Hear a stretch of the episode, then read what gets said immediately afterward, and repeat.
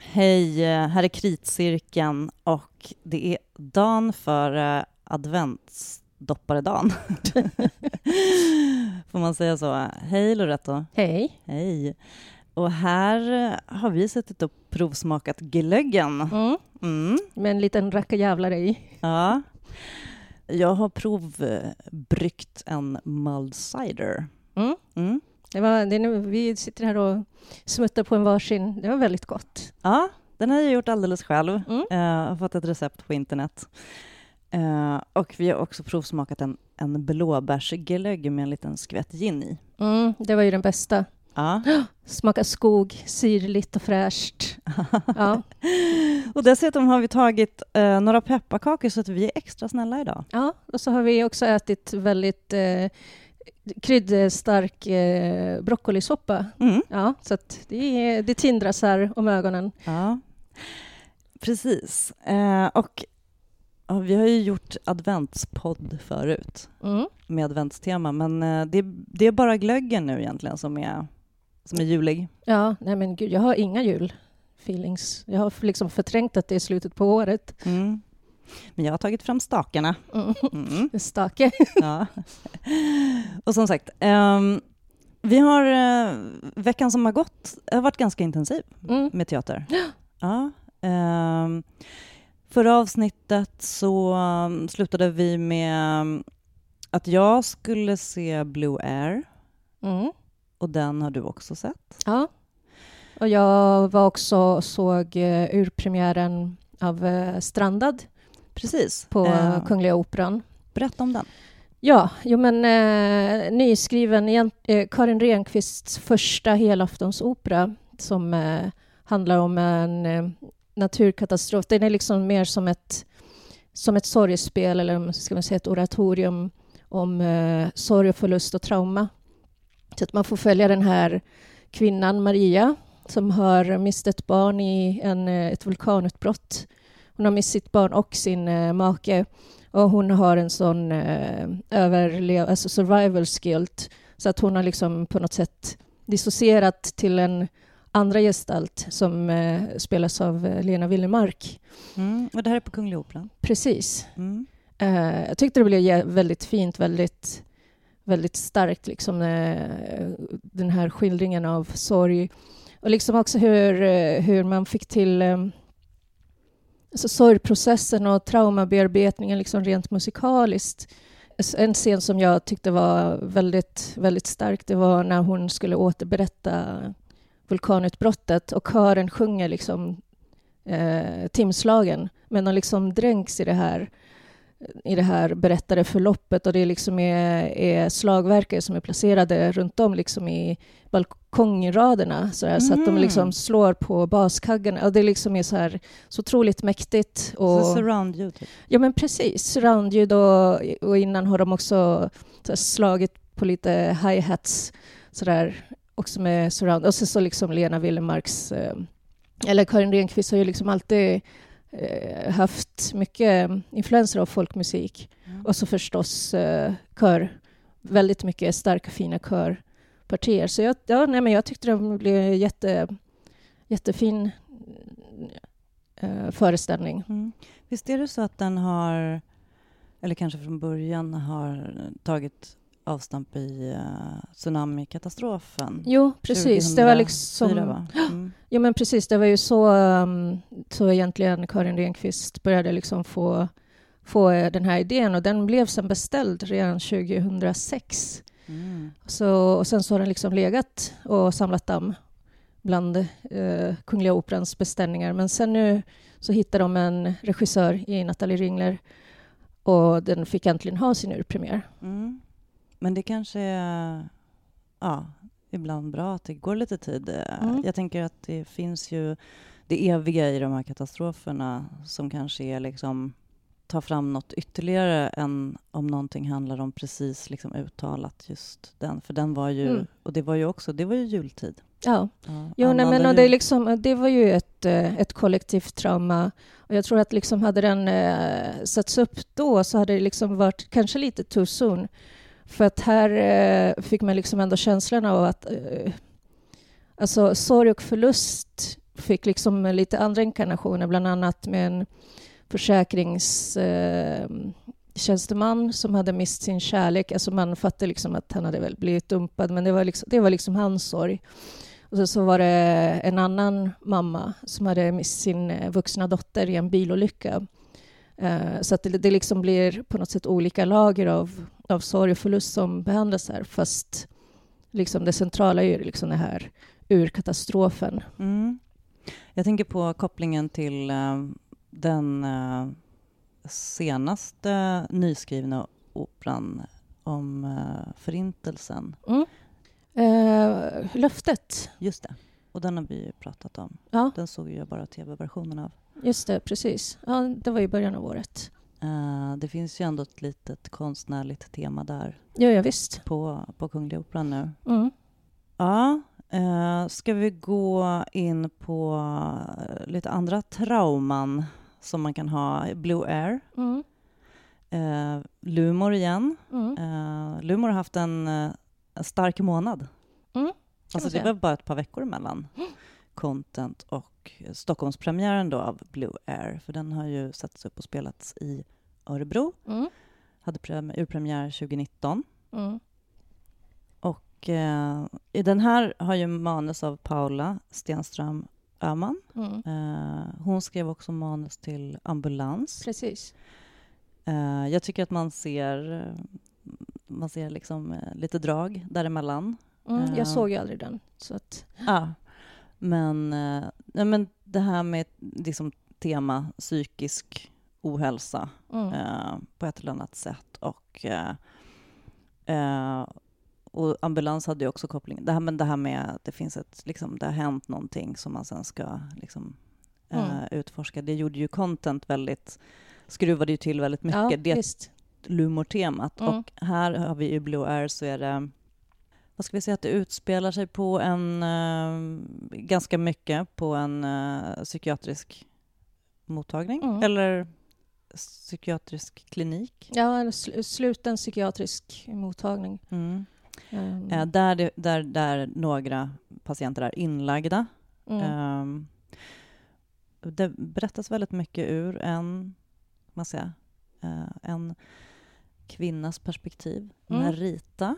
Precis. Jag tänkte precis eh, på det att um, den här Rita och eh, Maria är, är, har en ganska så här likartade erfarenheter. Alltså för att en av första scenerna i Strandad utspelar sig på en strand eh, där det liksom är massa folk, semesterfirare så här, och så går hon där och är liksom helt traumatiserad och deppig och liksom alla, alla de här eh, badgästerna liksom skvallrar om henne och säger ah, nej men usch. Nej, vi liksom, alltså det är liksom den här beröringsskräcken som många människor kan ha gentemot andra människors lidande, psykiska eller liksom Eller sorg. bara sorg. Ja, precis.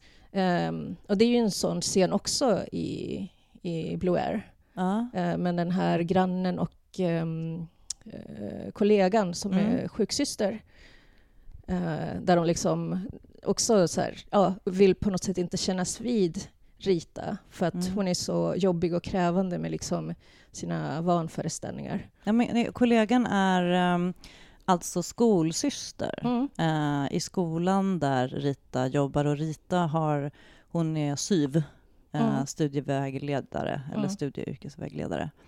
Eh, så det finns, en, eh, det finns en liten värld Mm. eh, av den här eh, skolan, eh, eleverna på skolan, Ritas son Mm. eh, och eh, En av de andra patienternas lillebror. Mm.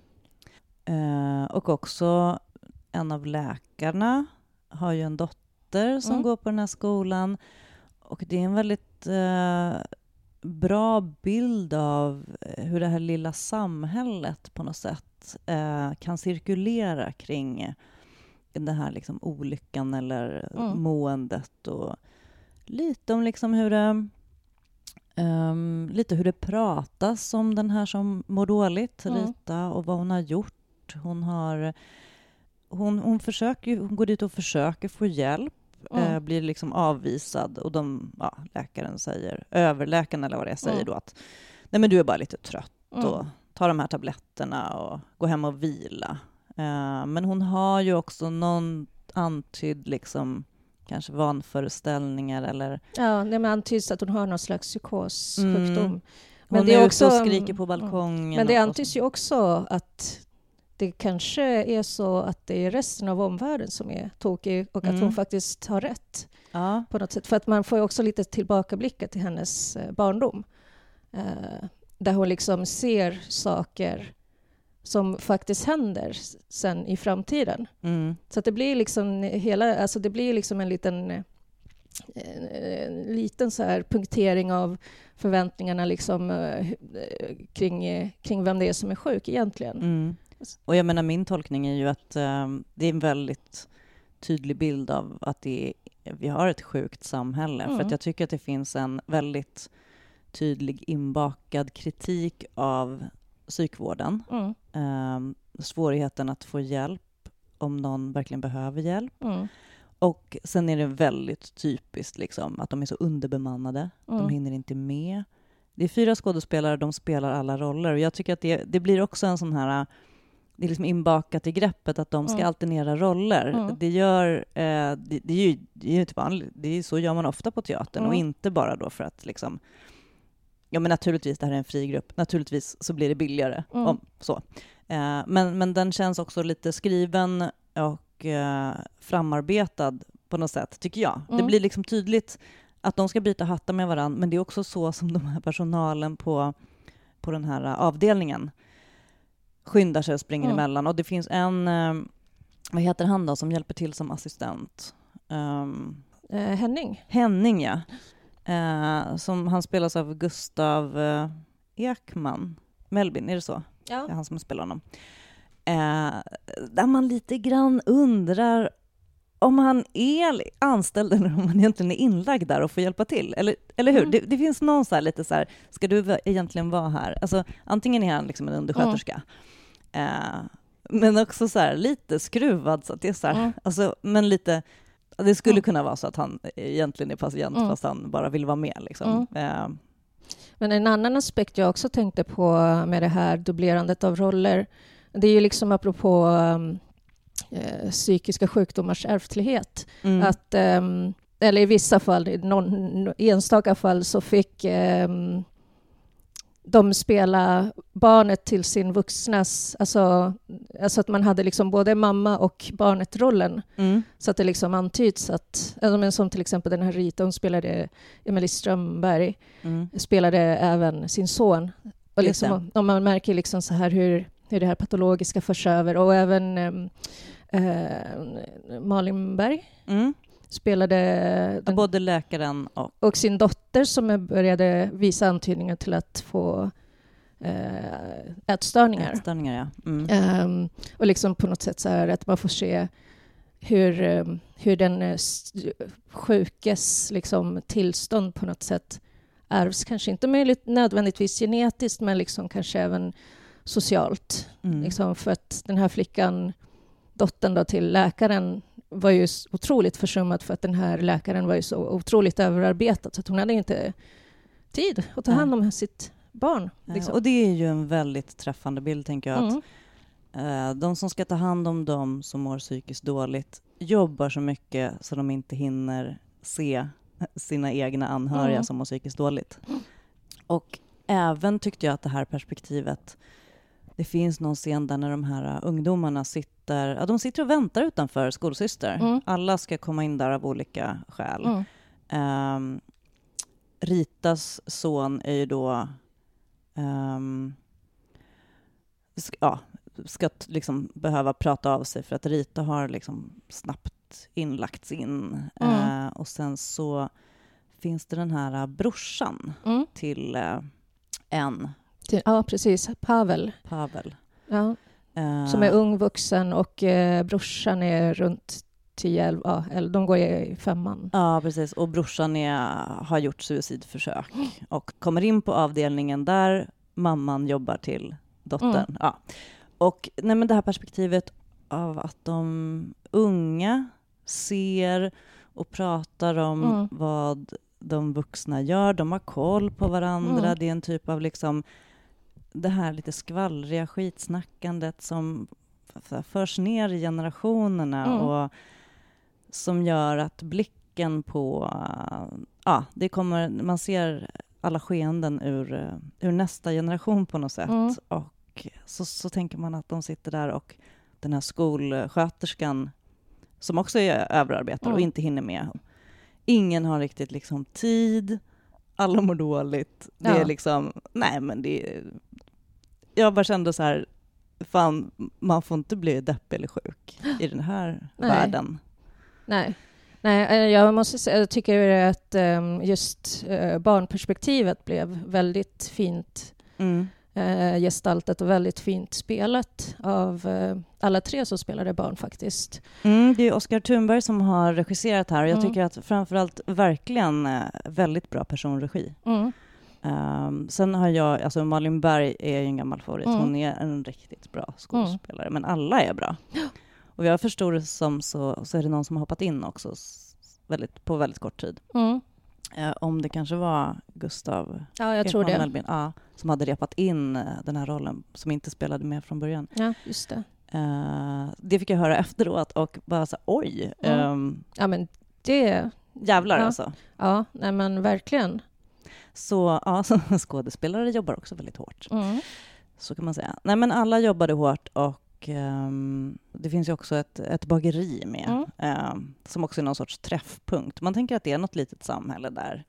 Mm. Ehm, Jag tänker att det är samma samhälle som i content. mm.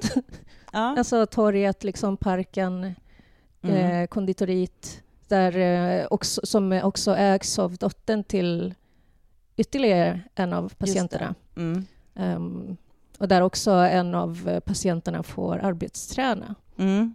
Så att, ja, det. det. är liksom ett litet mikrokosmos där, där, alla, liksom, där alla platser på något sätt ja, är sammanvävda s- eh, väldigt snyggt, tycker jag. Mm. Ja, nej, men det är ju eh, precis ett, ett litet Lumors någon kanske mindre stad kan man tänka Mm. sig, eller, sådär. eller bara en, en liten lumorvärld. Eh, Mm. och nu fick vi då besöka skolan och eh, ja, psyket. Mm.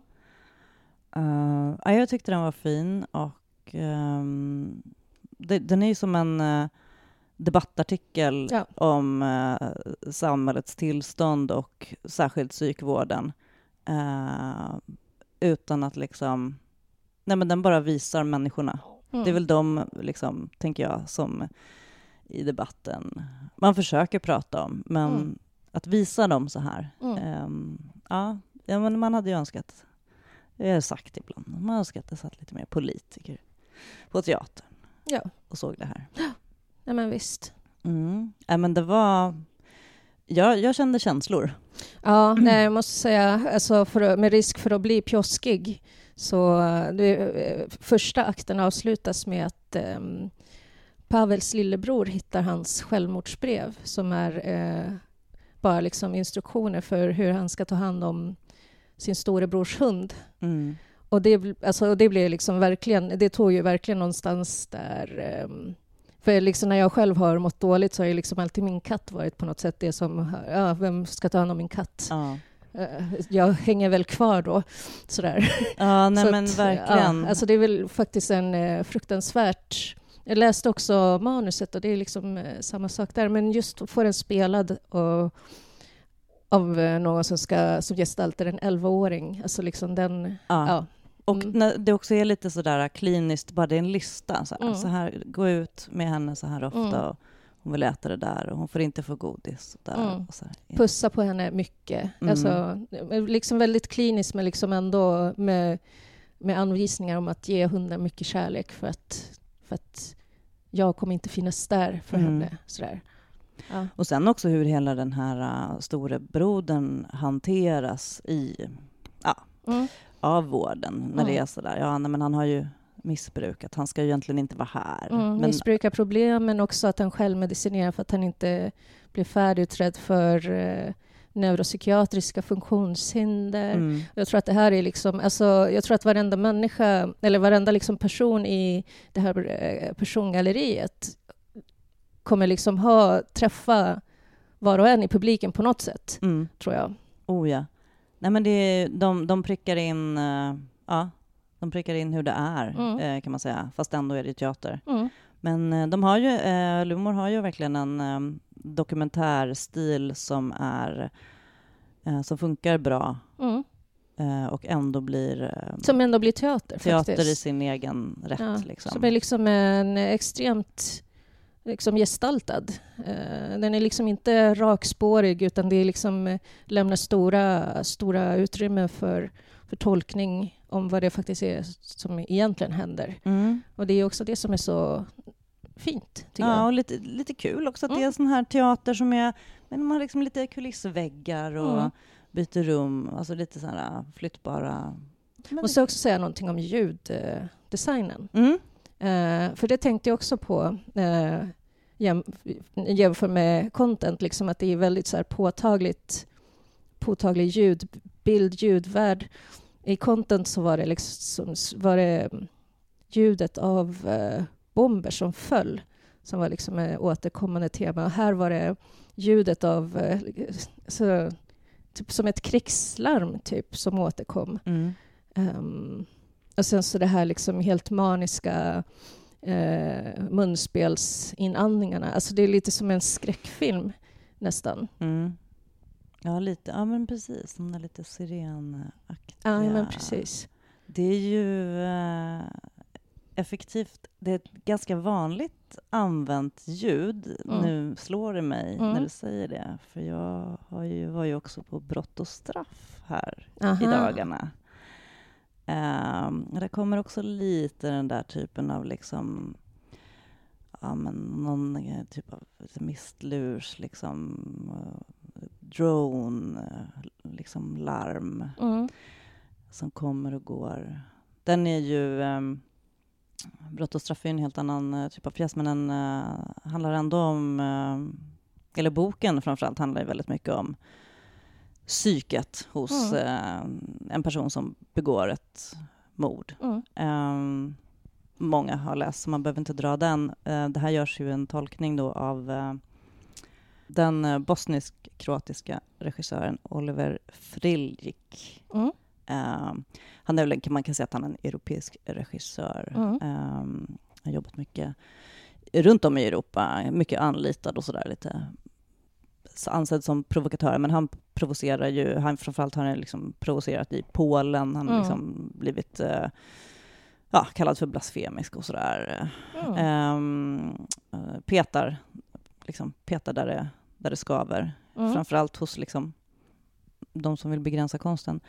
Jag hade väntat mig mycket mer av den Mm. uppsättningen, den här uppsättningen. Um, apropå det här att vi har pratat om liksom, bok blir teater, att man kan bli lite man kan bli lite trött på det, men Mm. man gillar också Brott och straff. Man vill också komma dit och titta när Dramaten har fått dit en, en Ja, sån här... ja, liksom- Dramaten med Dramaten-budget, liksom en Mm. gigantisk ensemble. Jag har Ja. inte sett den då. Nej, att, nej, men det är en, liksom en väldigt omtalad regissör, så då tänker man så här, man, jag skruvar upp förväntningarna.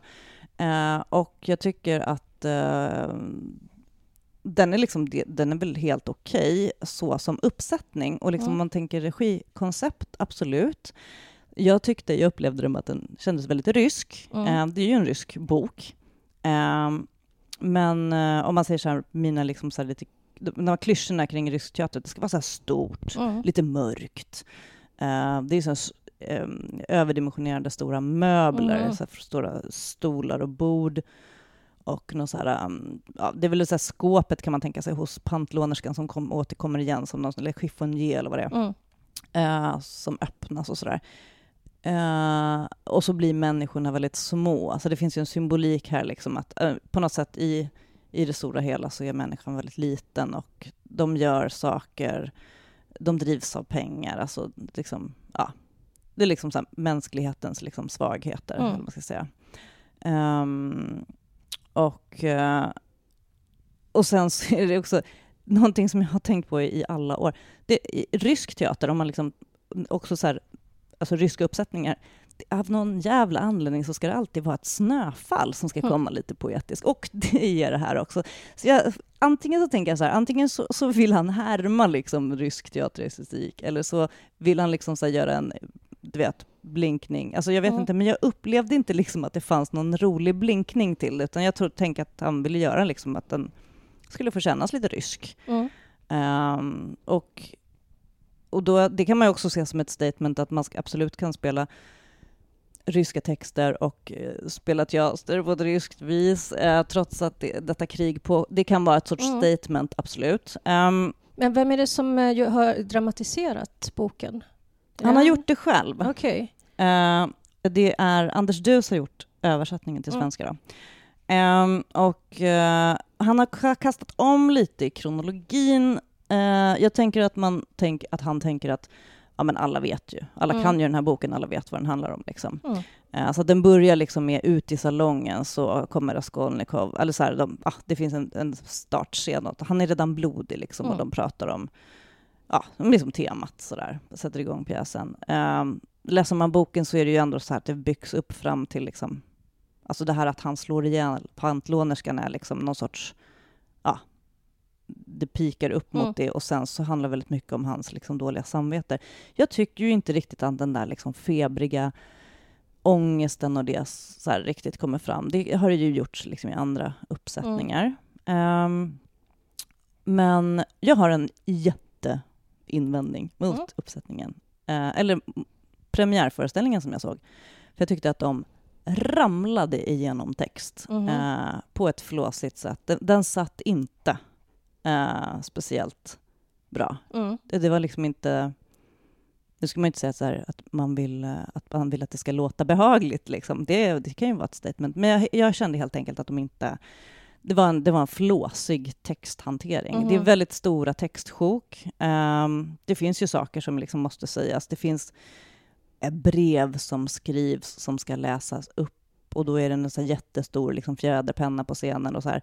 Ganska typiskt tydligt, så här, stora liksom, symboler, men då liksom texten bara så här bla, bla, bla, bla, bla, bla, bla.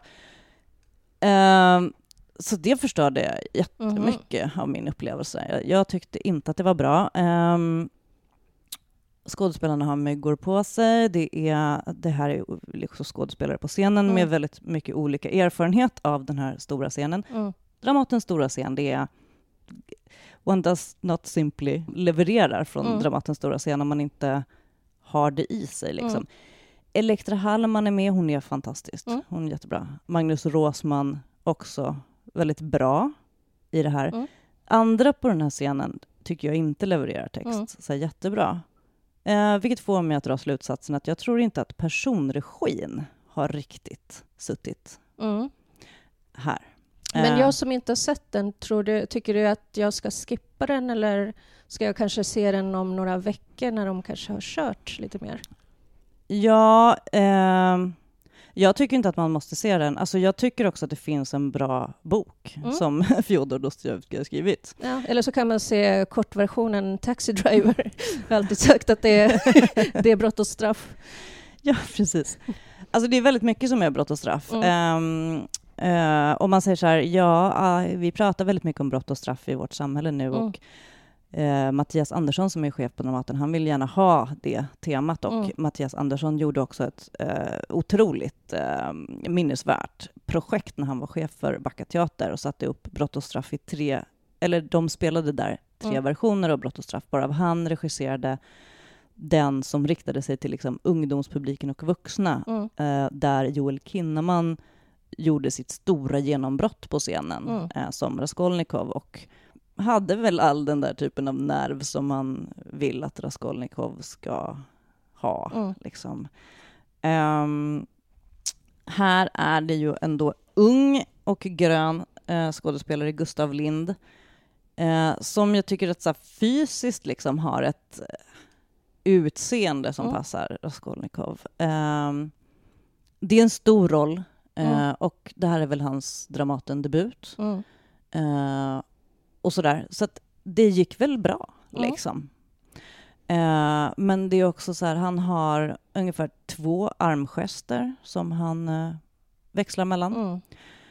Och det är en ganska lång föreställning. Den är väl 2.40 mm. kanske.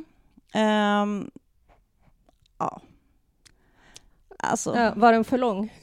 Nej, alltså det är ju, det är ju, det är en lång bok. De ja, får ju med nej, men jag menar liksom, eh, för uh, Blue Air var ju 2,50.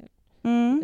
på, men den kändes ju inte lång. Nej, men den här är ju, den är ju så gjord, liksom. Mm. Dostojevskij är så gjord. Men eh, Dostojevskij kan bli ganska tråkig som teater. Mm. Eh, nej men det, det, det finns liksom flera delar som är så här, eh, fina och okej och sådär och liksom stor, ja, svulstig scenografi och sådär.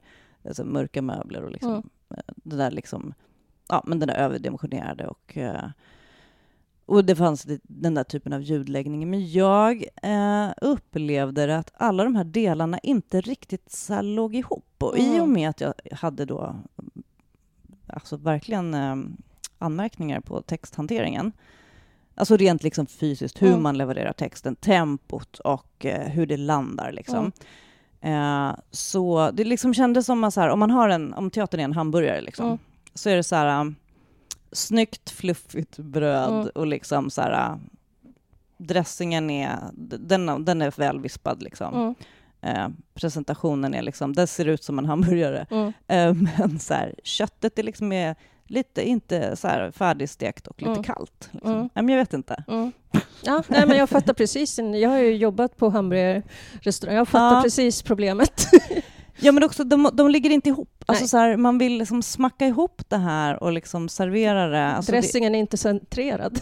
Nej, men eller hur? Ja. Löken trillade ur. Ja. Um, alltså jag har läst liksom kollegorna här som har skrivit sina recensioner. Jag har inte skrivit om den här. Mm. Nej. Då. Jag fick inte uppdraget. Eh, det var väl tur för Dramaten. Ehm, men, nej, men jag vet inte. Uh, alltså, ehm, ja, det är möjligt. Den kanske sätter sig bättre. Mm. Eh, men då tycker jag också att man inte ska hylla regissören om man inte är Mm. färdig. Mm. Eh, jag tror att man kan tänka sig också att han inte talar svenska. Mm. Och för att regissera någon, att jobba med liksom tonfall och eh, pausering och sådana Mm. där saker, så måste man kanske förstå språket och då måste det vara en annan typ av medhjälpare Mm. som har hjälpt med det. Ja, jag, jag, jag har invändningar helt Mm. enkelt. Jag skulle inte vilja lyssna på den här som radio. Nej.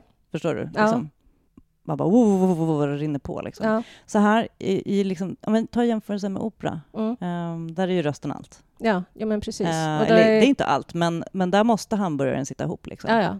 Jo, nej, men ofta så är det ju då själva förpackningen som, är, som brukar fallera. Alltså, Ja, men jag tänker så här, det finns en, en slentriankritik mot eh, regiteater Mm. eller regiopera då, framförallt kanske inom så här, de mer så konservativa Mm. smaken, eh, som tycker att man inte ska göra något så stort och liksom jättestor ball förpackning och stoppa in fantastiska klassiska operor i eller liksom vända på steken Mm. och sådana där saker. Jag tycker att det kan vara roligt.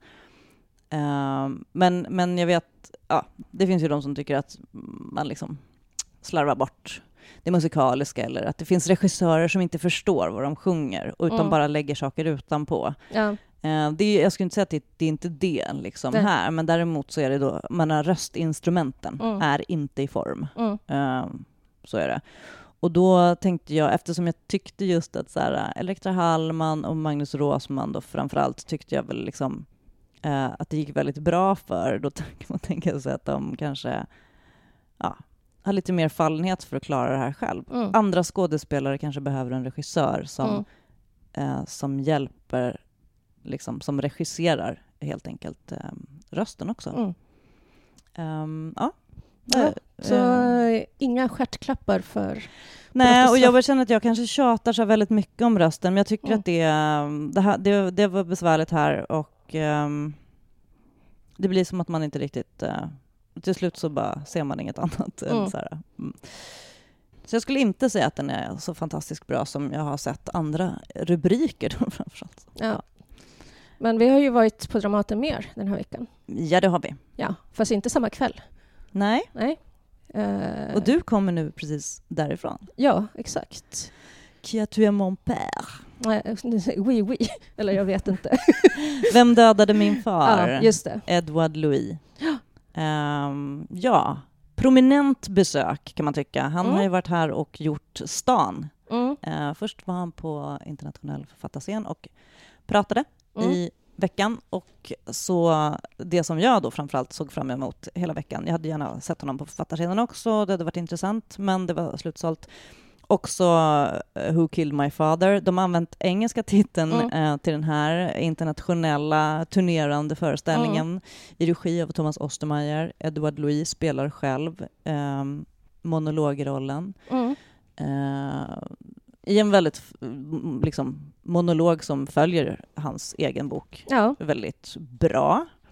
Mm, jag måste bara säga, för att i boken så finns ett litet företal som är som en, eh, som en regianvisning Mm. där han bland annat föreslår ett litet snöfall. Jag kommer att tänka på det.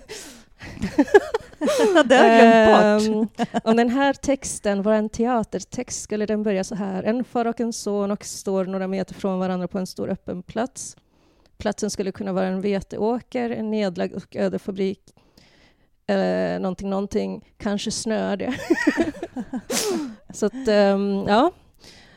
Men Mm. ja, nej Han men... kanske ville eh, att det skulle bli en rysk uppsättning. Ja, men precis. Men nu blev det en tysk. Ja, nu blir det en tysk. Och boken är ju liksom, den är ju som en... Ja, den är ju fransk. Ja, som en monolog. Ja, det, ja precis. Ja. Ja. men den är ju som en monolog. Det, det och eh, jag kan säga så här, jag hade nog gått, även om han bara hade typ stått och läst upp sin bok. Mm. eh, Oh, ja.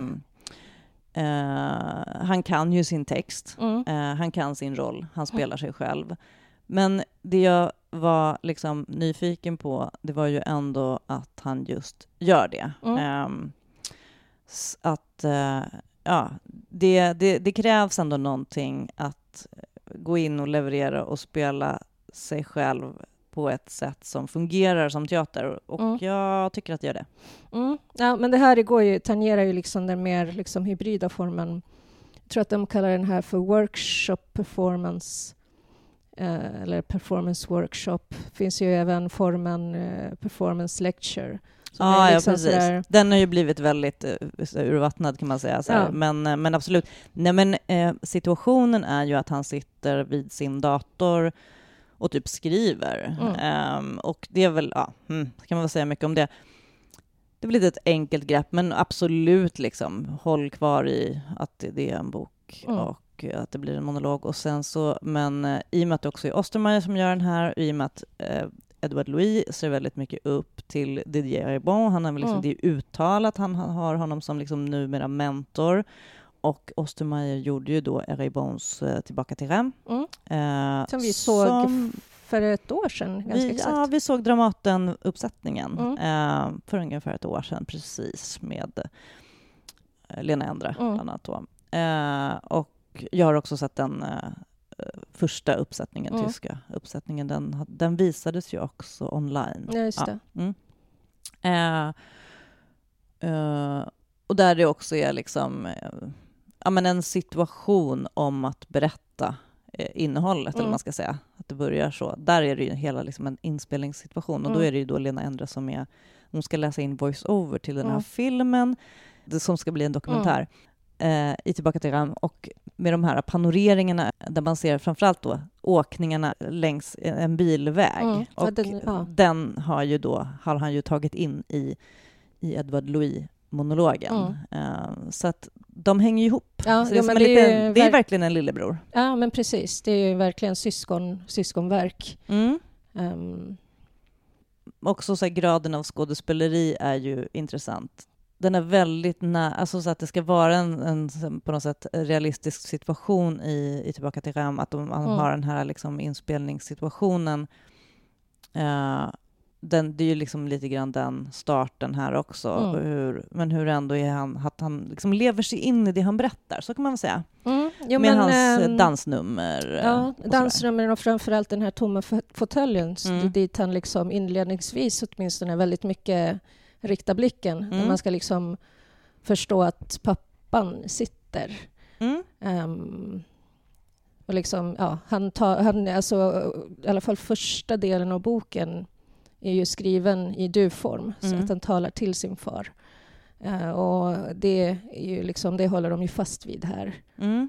Ehm, Ja, och det, ehm, och det tycker jag är, det, det, är- precis, det är liksom en direkt överföring som, som är också, ja, man, just Mm. att man kan tänka sig nästan att boken är skriven så här för att han skulle vilja framföra den som en monolog, Mm. eller att det är en sorts, en, en, liksom, han tilltalar mm.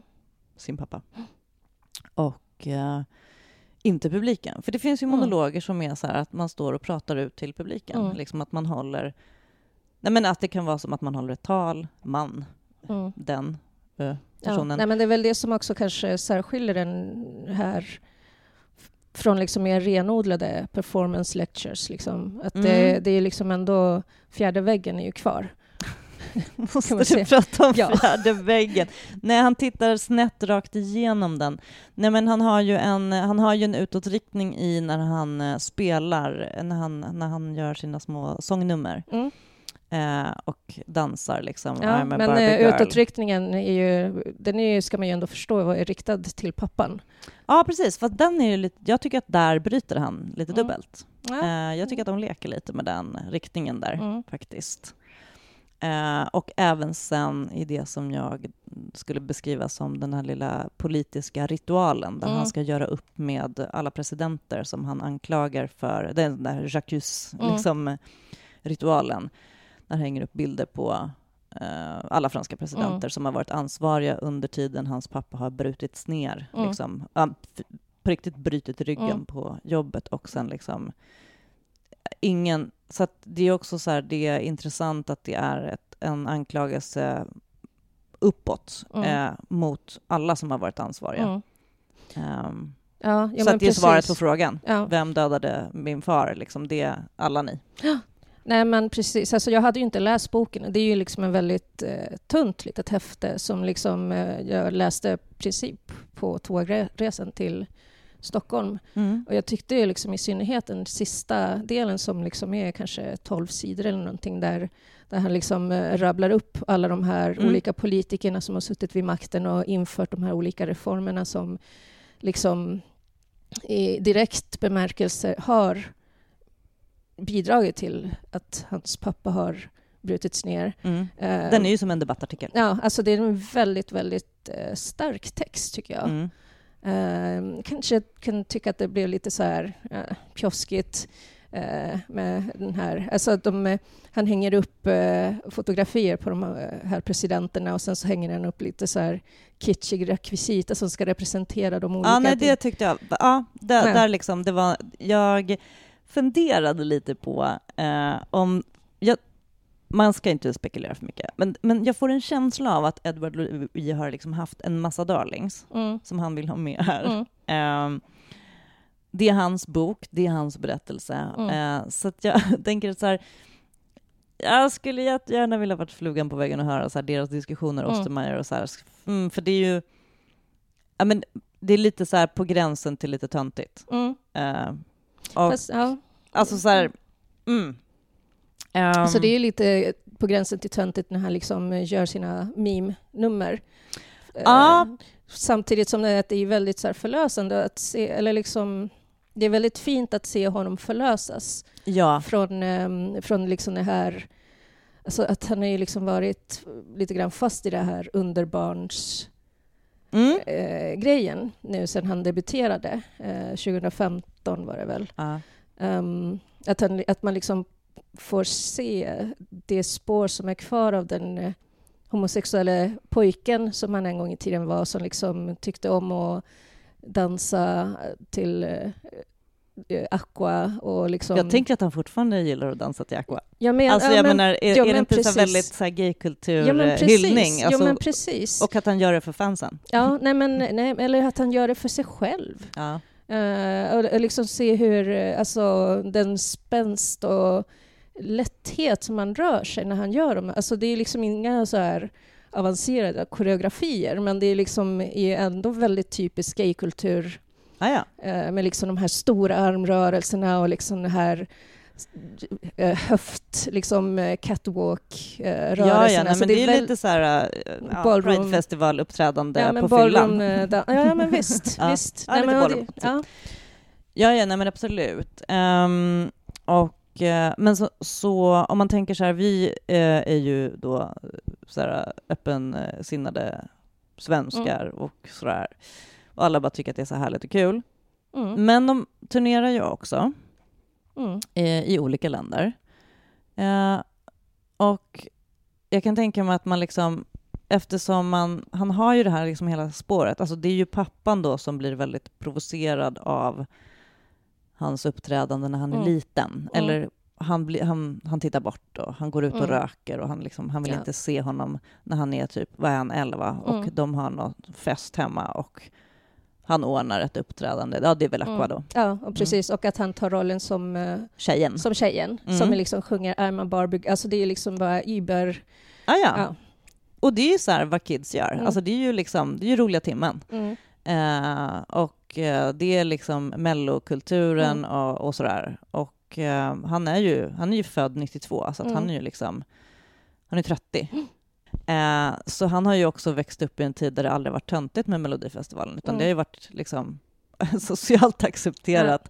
Men kanske just ehm, den här liksom eh, homofobiska arbetarklasskaren karn, Mm. liksom, som hans pappa representerar, eller Mm. man ska säga, ändå inte liksom vill att hans son ska vara en del av. Mm. Liksom. Ehm, inte för att det är så smaklöst att gilla sån där musik, utan för Utan att han det är spelar bögigt. tjej. Ja. Ja, för att det är bögigt. Ja. Ehm, Nej, men eh, det som jag också tycker är intressant, för att alltså, liksom just frå, titelfrågan, eh, Vem dödade min far? Den spelar liksom inte bara på den fysiska döden, nej. utan han spelar ju också på någonting som pappan hade kunnat bli. Det är liksom, an, eh, han berättar liksom Mm. att det antyds att pappan har liksom lite så här smaker eller fallenheter. Han har Eh, hittat en bild på honom Mm, ja. ehm, där han är i, alltså drag skulle vi ju säga, Ja, ehm, där han uppträder Mm. i kvinnokläder. ja, och hittat, eh, sett honom liksom ur ögonvrån, att han gråter eller liksom blir... Och man får veta att han dansade när han var. Han var en fantastisk dansare när han var Ja, yngre. och sådär. använde parfym, vilket inte var Mm. gängse på den tiden. Liksom. ja, men det finns Ja. ju någon sorts liksom insinuans, eller Ja, att, att, någon, att någon del av honom eh, faktiskt stod, Mm. ehm, som inte fick utvecklas liksom, på grund av eh, ja, ja, ja, förutsättningarna. Liksom, ja. ja. Nej, men att han själv har blivit uppfostrad, Mm. att det är fel. Ja. Eh, alltså pappan. Och sen över, försökt överföra det. Och Louis liksom Mm. bryter sig loss. Ehm, ja, men absolut. Jag är glad att jag fick se den. ja, gud ja. Eh, det var ju som sagt också fullt, Mm. slutsålt. Och bara två föreställningar. Och jag tycker att... Jag menar som sagt, jag har ju läst boken. Det var ett tag sedan jag läste boken. Ehm, men jag blev, jag blev också berörd. Mm. Nej, men det är ju, det är ju helt liksom, skala bort, skala bort allting som är specifikt, eh, så handlar det också om ett barn som inte blir sedd av sin Mm. pappa. Eh, Ja. alltså de där, det är så hjärtskärande den där scenen Mm. när han vill att han ska titta på honom när han dansar. Mm.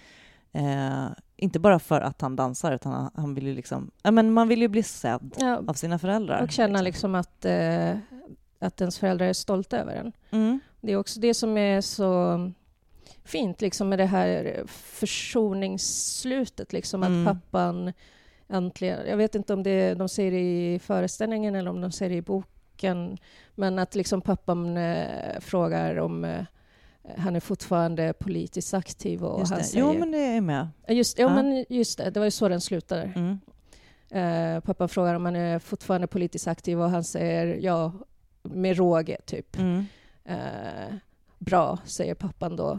För nu är det dags att vi gör revolution. Liksom Mm. att han ja, men han svänger ju. Ja.